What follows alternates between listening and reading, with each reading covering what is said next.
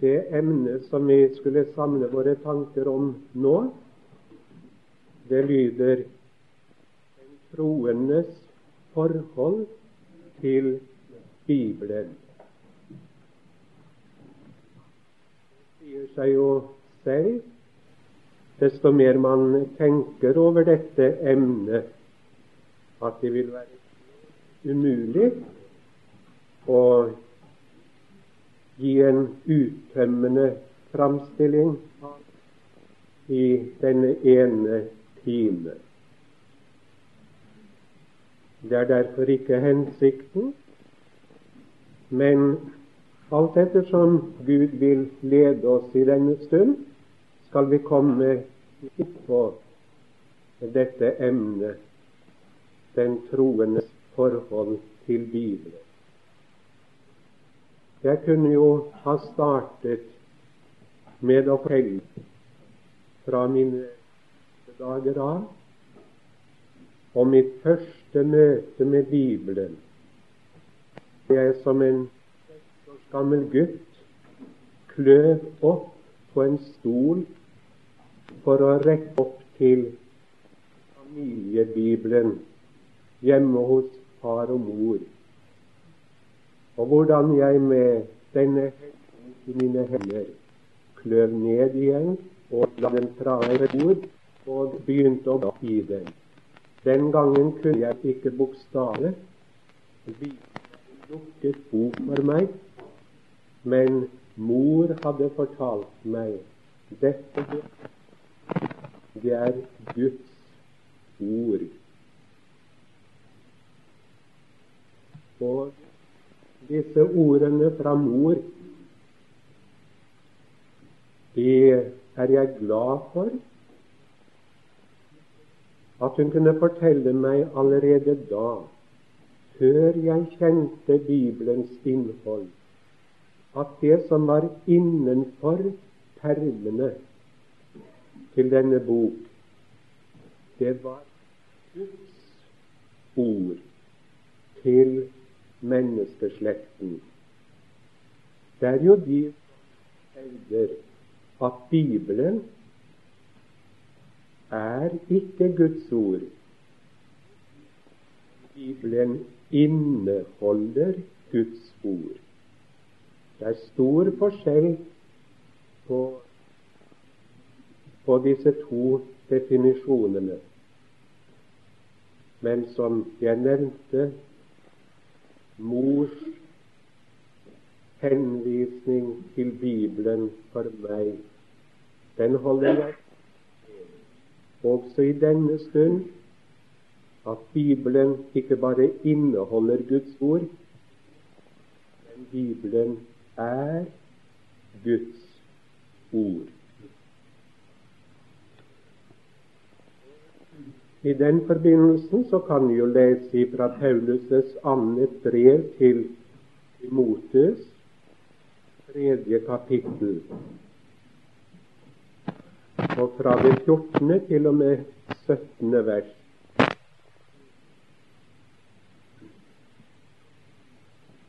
Og det er jo nettopp skrevet til en som i barneårene av lærte å kjenne Den hellige Skrift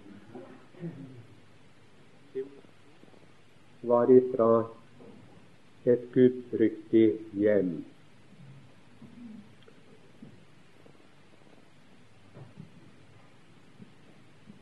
I hvert fall på morssiden. Bestemor med. Men bli du i det som du har lært, og som du er blitt overbevist om, da du vet hvem du har det av. Før vi leser videre, så vil jeg be dere har noe å notere med nå, at dere noterer dere at står i grunnteksten i flertall. Det kommende. på norsk. Det er vanskelig, for ikke å si umulig, å få det fram. da du vet hvem du har lært det av. Ja, Anne Timotes' brev, tredje kapittel, 14. vers.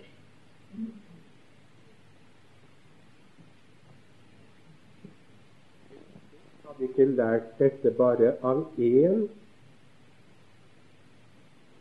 men det var flere som hadde undervist ham i ordet.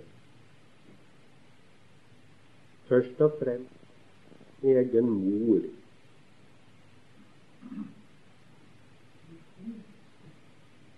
Og så må vi også tenke på Herrens tjener Paulus.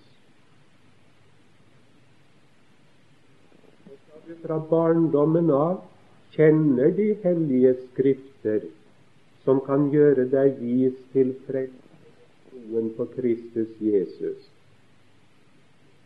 Den hele Skrift er av Gud og nyttig til lærdom, til overbevisning, rettledning, til oppdrag opptuktelse i rettferdighet, for at mennesket kan være fullkomment, duelig til all god gjerning. Som dere kjenner til, så er det en annen lesemåte også her, som kommer bl.a. ungdomsoversettelsen, at all skrift som er innblåst av Gud, er nyttig til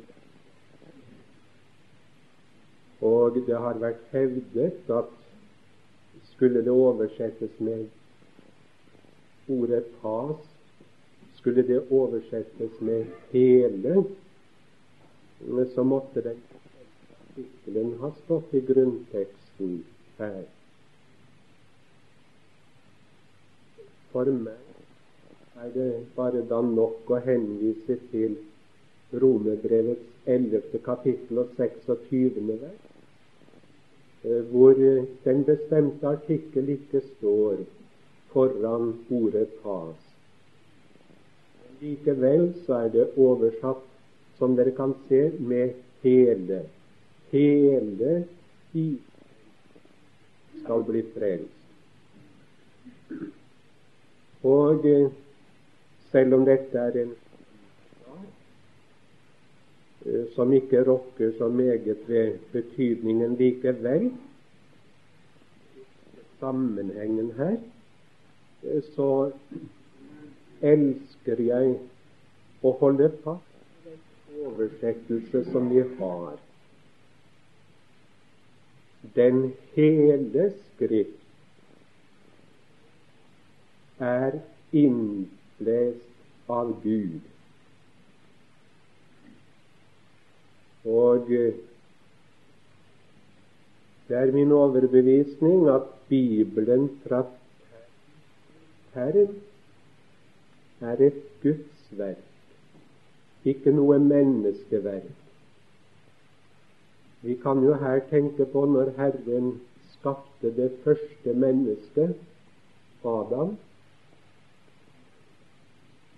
dannet, av, dannet ham av jordens moll, formet ham som en pottemake, former til et kar av leire.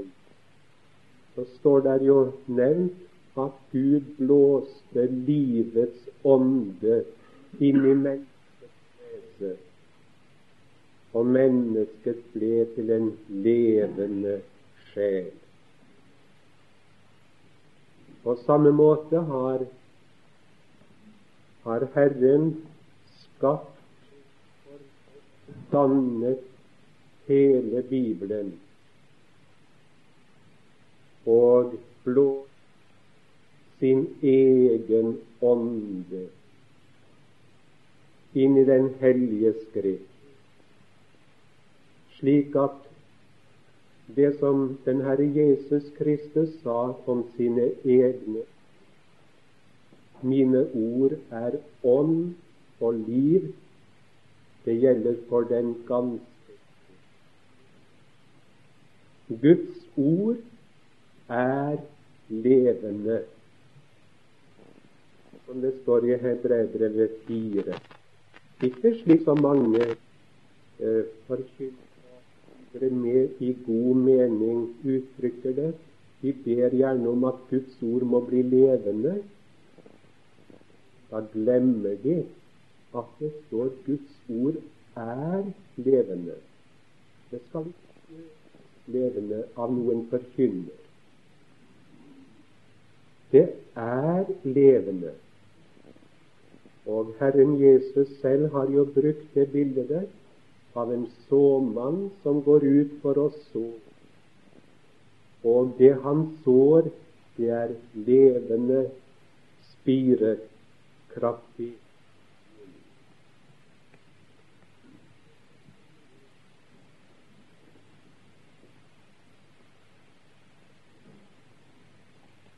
I et testamente som jeg ga til min hustru etter at krigen var slutt, tror jeg det var. Der skrev jeg inn dette kjente Guds ord, det er vårt arvegods. Det våre barn skal være. I vår grav den ros. Vi holdt det høyt i ære. Det håper jeg kan bli den enkeltes inderlige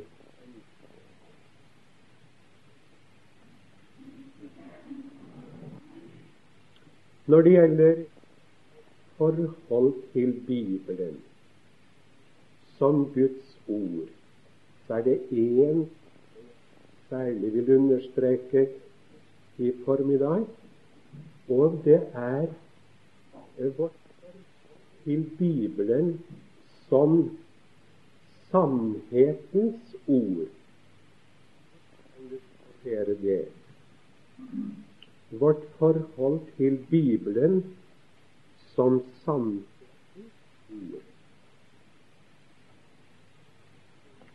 Og da skal vi slå opp i salme 119, en salme som er kalt Ordets salme, fordi at salmen på 176 vers handler om Guds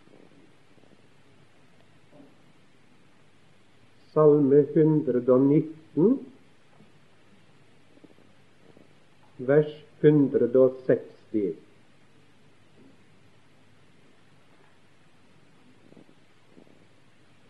Og der står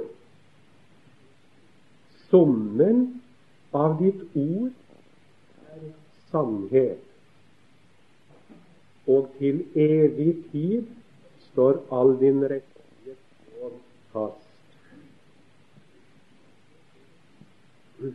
Alle dere som har streker en del, vet at det ligger meget i de ordene som taler. Engelske og amerikanske bibelforskere de har eh, latt Bibelens ord gå igjennom elektroniske maskiner, eh, som har behandlet Bibelens ord tallmessig. Ut fra alle disse summeringer som kom fram, rent språklige ordene i Bibelen, så fant de jo fram til mange interessante ting. Jeg har lest en del om det. Men likevel så må vanskelig å nå fram til sikre undersøkelser. For Guds ord er nemlig ikke beregnet på å gå igjennom reisemaskiner men Guds ord det er beregnet på å gå inn levende menneskehjerter og gjøre sin gjerning. Salmisten, som avlegger sitt vitnesbyrd her i Salme 119, han etter å ha prøvd Guds ord. Summen av ditt ord sannhet. Når han summerer alle erfaringer i samlivet med Gud, i studiene av Den hellige Skrift, så må han si summen av ditt ord er sannhet. Skal merke oss at dette sannhetsstempelet står i Det gamle testamentet. Her er det like som stemplet inn i Det gamle testamentet. Summen av ditt ord er sannhet. Men med Bibelen er det omtrent som med et Nye testamentet. Og i Det nye testamentet har vi også denne vitnesbyrd, og det er av Jesus selv i Johannes 17 og 17. vers. Der sier han Ditt ord er sannhet.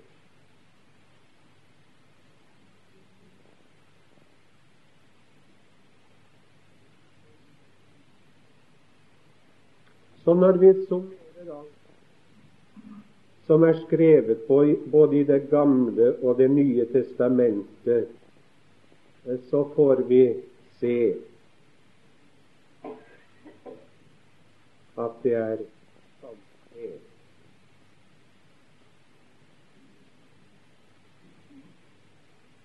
Der har villet finne forskjellige unøyaktigheter. Og det er Ja, det er sikkert lett for meg nå å ta dette frem som jeg nå kommer til å nevne. Har jo sammen sett opp til Det norske bibelselskap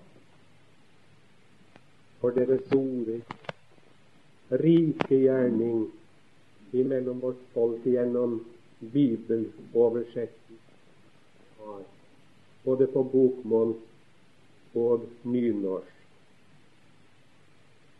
Nå er det kommet en Jeg har kommet i gang fra 1956 en ny oversettelse. Og denne oversettelse det er ikke som ungdomsoversettelse, en prøveoversettelse, men det er en autorisert oversettelse. En oversettelse som fagfolk har foretatt, og som til slutt er godkjent av biskoper.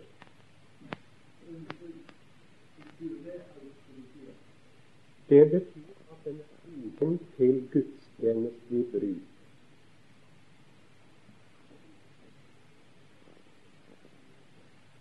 Nå har de arbeidet i ti år, håpet jo å rette en oversettelse av Det gamle testamentet ferdig til sitt jubileum. Men eh, de rakk ikke mer enn å gi ut en, et utdrag av oversettelsen, eh, beregnet da for skolebruk. Har eh, gått nokså grundig igjennom det så langt som jeg har rukket det. Og der finner vi forskjellige ting som bekymrer oss. Det bekymrer oss også at en mann som professor Gjervel er blitt innvalgt i Det norske bibelselskap. Dere som kjenner hva han har skrevet, og hva han har talt, forstår jeg til.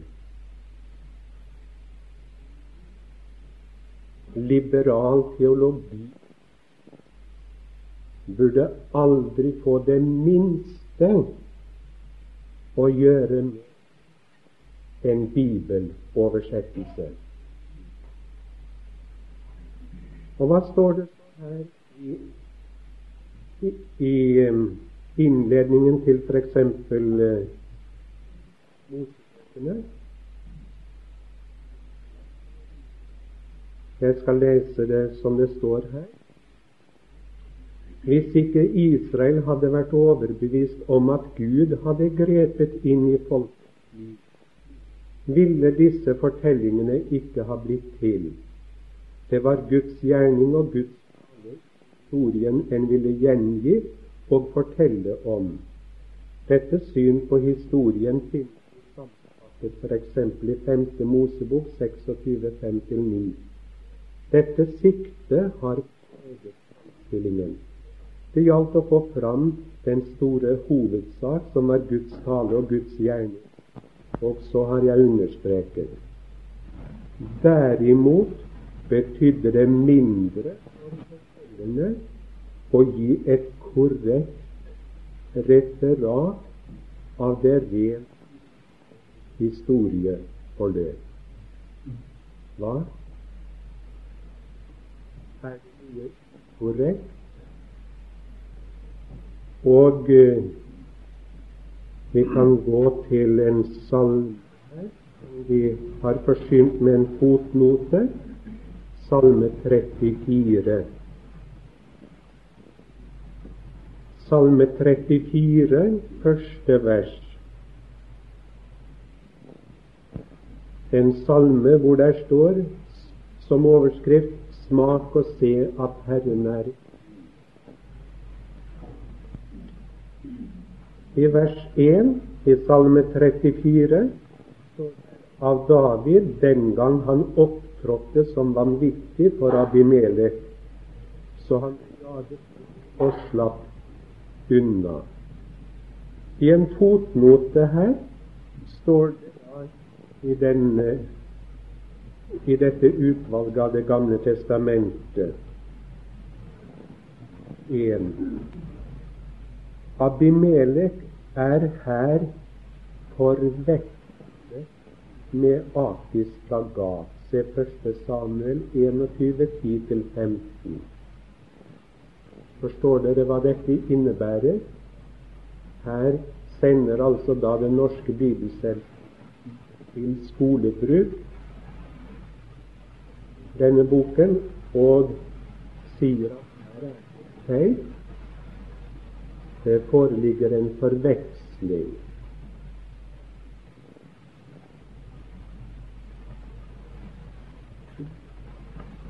det, det forundrer at det ikke heller har stått en annen fotnote som dere kan finne eh, gjengitt f.eks. i Illustrert norsk bibelleksikon eh, under Abimelek.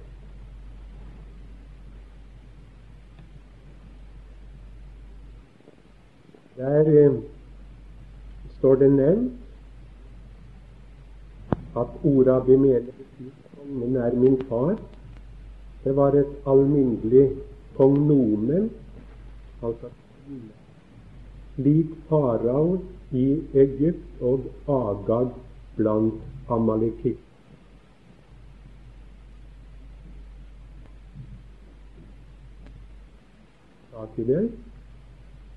Altså, i Egypt var det jo ikke bare én ble kalt for farao, men en rekke med konger bar navnet far.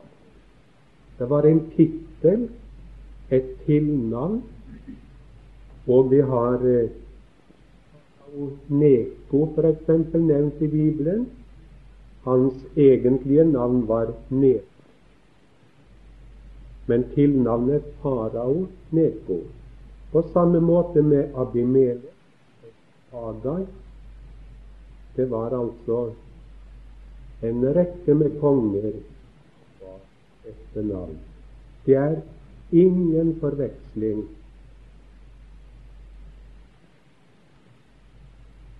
men tilnavnet er brukt. Jeg kunne ta fram andre ting her fra denne bok. Jeg kan nevne når det gjelder Daniels bok, særlig kapittel 11, for det er nevnt her at det er skrevet ned etter at at dette var helt.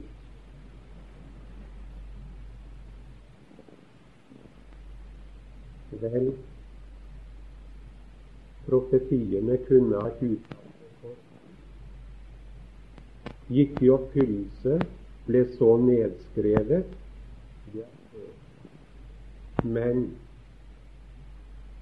det, den tendens som ligger bak, som du finner også for Esaias' bok, hvor de også her i denne bok taler om del fra Esaias av fra kapittel 40 og utover, at det er ikke skrevet. Men vi skriver rett ut her nå at det er den annen Jesaja. Og avslutningen igjen den tredje Jesaja, eller krets av den annen Jesajas' disipler. Det er i hvert fall ikke Det nye testamentets tale. Det er lett Når det siteres i Det nye testamentet til den del av Esaias' bok, altså etter kapittel før, så er det hver eneste gang tydelig sagt fra at det står hos profeten Esaias, eller er skrevet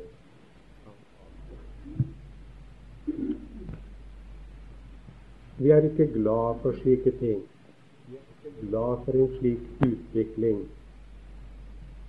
Og derfor har jeg kjempet meget med dette om jeg skulle ta det fram i denne ene bibelen som handlet om vårt forhold til Bibelen. Jeg tror jeg gjør rett når jeg sier at hvis vi skal by oss en bibeloversettelse hvor slike ting som noter og den slags, selv om det naturligvis er mange bra oversettelser å finne også her, som rimelig er, man kan sammenligne, så vil jeg la oss holde fast ved denne gode oversettelsen som vi har.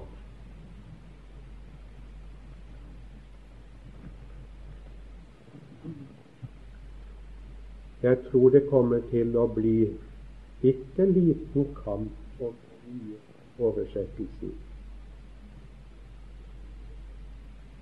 Andre de har sagt at eh, Bibelen inneholder f.eks. matematiske Nå har jo ikke Bibelen vært tenkt som en lærebok i matematikk. Det er jo selvsagt og unødvendig å si. Men vi kan jo slå opp i første kongebok sjuende kapittel og se på et sådant eksempel som vi er kommet med. Første kongebok syv, det 23. vers. Ja, 7. kapittel, 23. vers. Men pass på at når du slår opp nå, at du har første kongebok.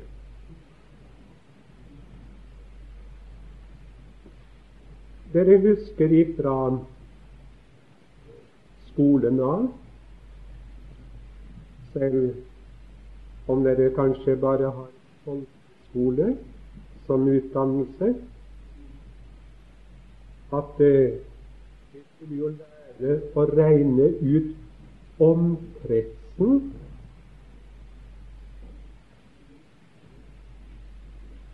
F.eks. for eksempel. Og da fikk vi bruk for, for et tall som da ble oppgitt for oss 3,14. Pi kaller man det. 3,14. Det er jo ikke så helt nøyaktig, og umulig å få det nøyaktig. Vil du ha to sifre til, så ble det 3,14, så 16 igjen. Men du kunne fortsette. Forskere har gjort det helt opp til over 700 desimaler etter komma. Og likevel så det finner de ikke fram til noe helt nøyaktig. Men 7,14 har. Men nå sier de at første kom ja, 14 skulle jeg si. Eh, første kongebok 7.23 sier de det er derimot at pi er tre ikke Ja, ja, nå skal vi lese, da, så får vi se.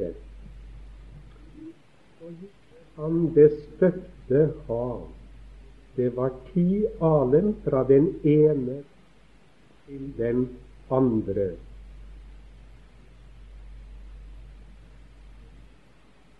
Det er diameteren. Og noen har da sagt ja, det er ikke sikkert at det var helt rundt, men så står det jo videre og var aldeles rundt. Det nådde fem alen i høyden. Nord på 30 alen nådde rundt og Altså ti ganger tre er 30. Pi må altså der ha vært regnet som tre, sier. Hvis du er for snar til å godta slike ting, så.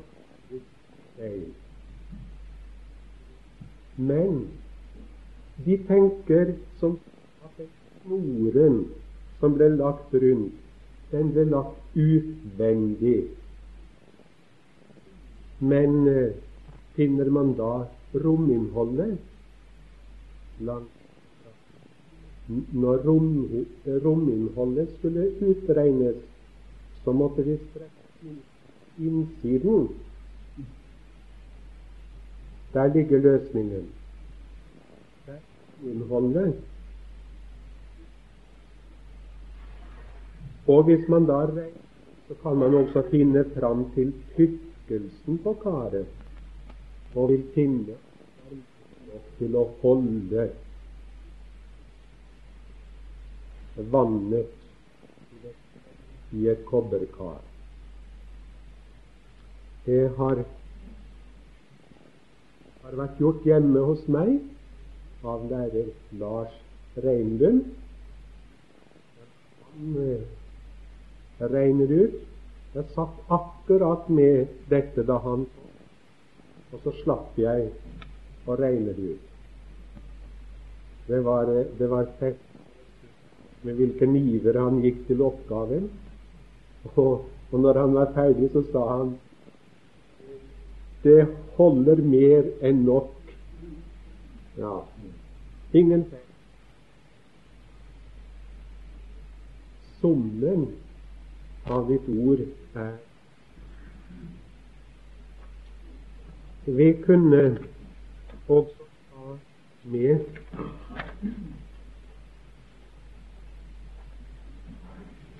som jeg gikk på en gang i spørsmål og svar i Evangelisten.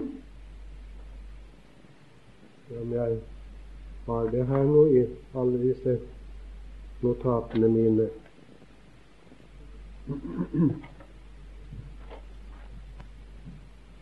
Ja, det, det får være nok å nevne at eh,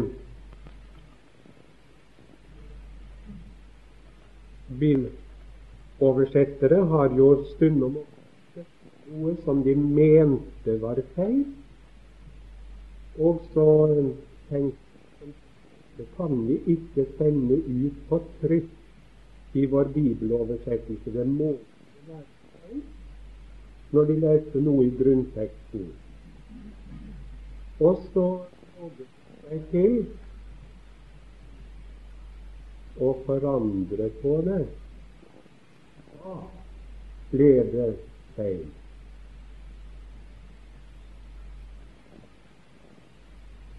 Da ble det feil. Um, ja Esters bok, var det vel?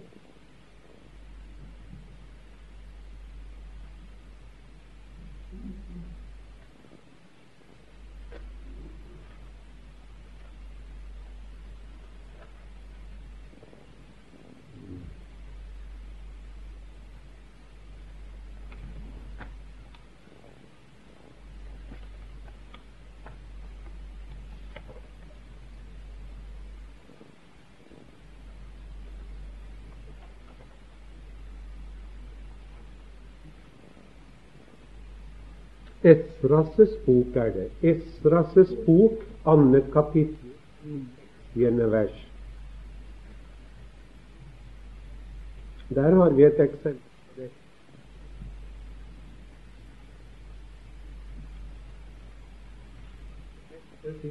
ga de til arbeidskassen 61 000 dariker og stjerne der, en henvisning til fotnote. Darik én persisk mynt. Straks 269.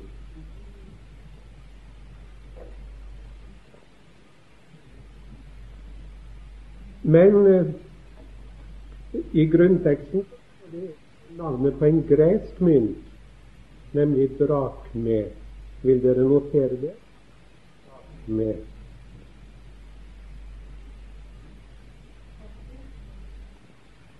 Esdras 2, vers 69.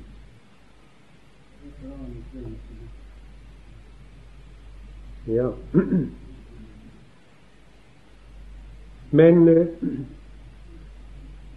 arkeologiske funn har nå planlagt at enda på persisk tid var greske mynter gangbar mynt. Brukt altså med i forretningsaffærer. Greske mynter i Persia. Den persiske innflytelsen var større. Den greske var større enn de hadde regnet med. Ja, ja der uh, hører dere. Det er bibeloversettelse. Der har de nå Den er jo også nyere. 31. Ja, hvor er ja. ja, I alle tilfeller så har de der holdt ordet dras med. Jeg nevnte dette bare for å vise at varsom med å prøve rette på noe i Bibelen og sette det vi tror heller må være riktig. Det kommer gjerne senere noe over slike ting.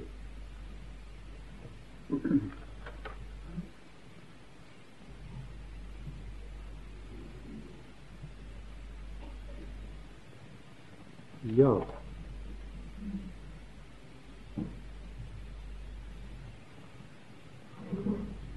Jeg var inne på dette med denne oversettelsen her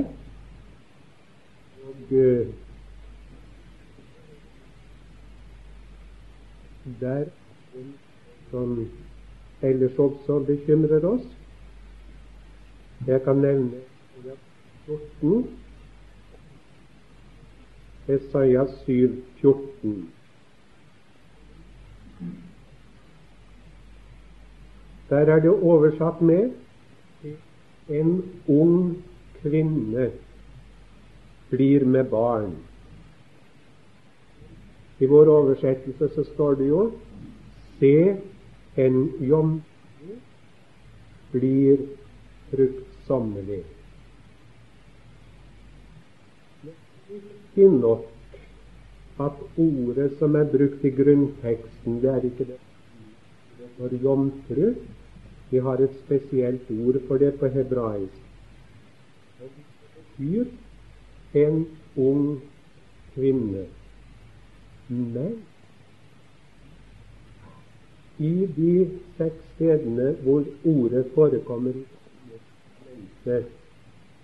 er det hver eneste gang om en ærbar, uberørt kvinne.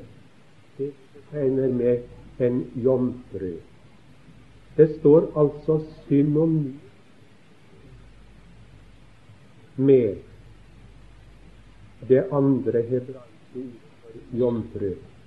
På den første oversettelse av Det gamle testamentet, gamle greske oversettelsen som vi kaller Septuaginta, eh, som også apostlene brukte, og som du finner vi siterer ifra i apostlenes gjerninger, oversettelsen, der ble ordet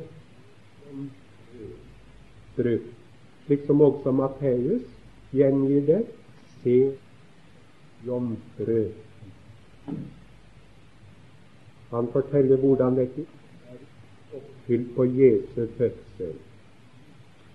La meg fortelle dere et minne fra, fra Ja, det var vel før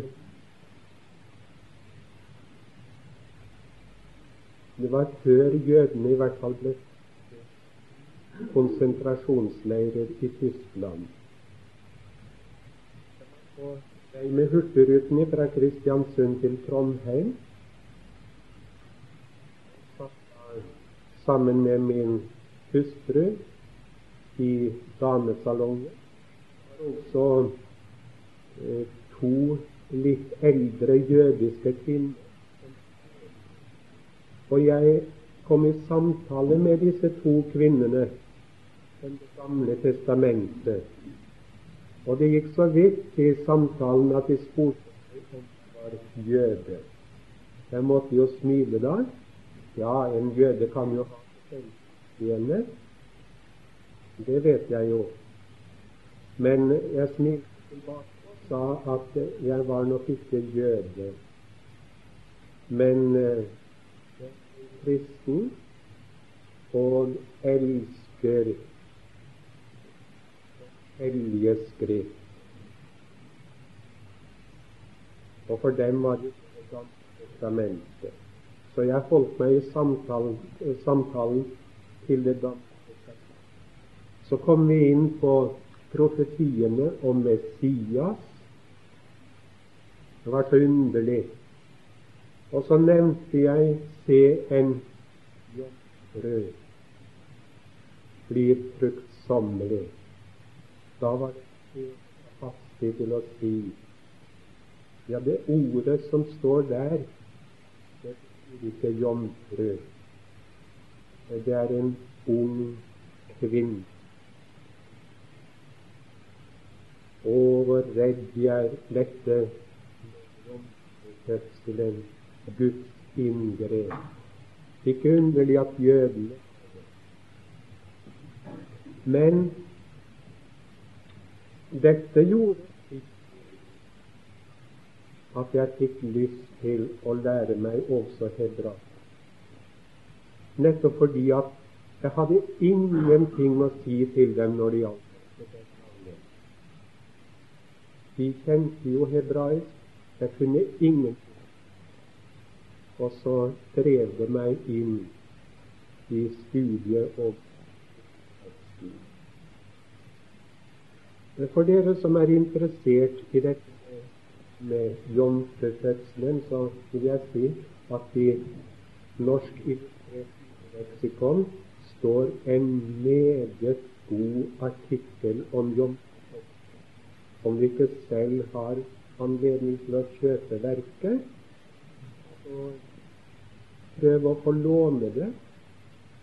Det går jo an, så du kan få noe av det beste, etter min mening, som er skrevet i kristelige emner. Jeg vet ikke hvem som har skrevet den artikkelen, men jeg har mistanke om at det må være selveste professor Odeberg, som kunne hebraisk da han var elleve år gammel. Bibelforsker. Ja, jeg nok brukt tiden. Ja, jeg må til å ta fram en ting til, kanskje, som, som forundret meg. Det var Salme 2, vers 12.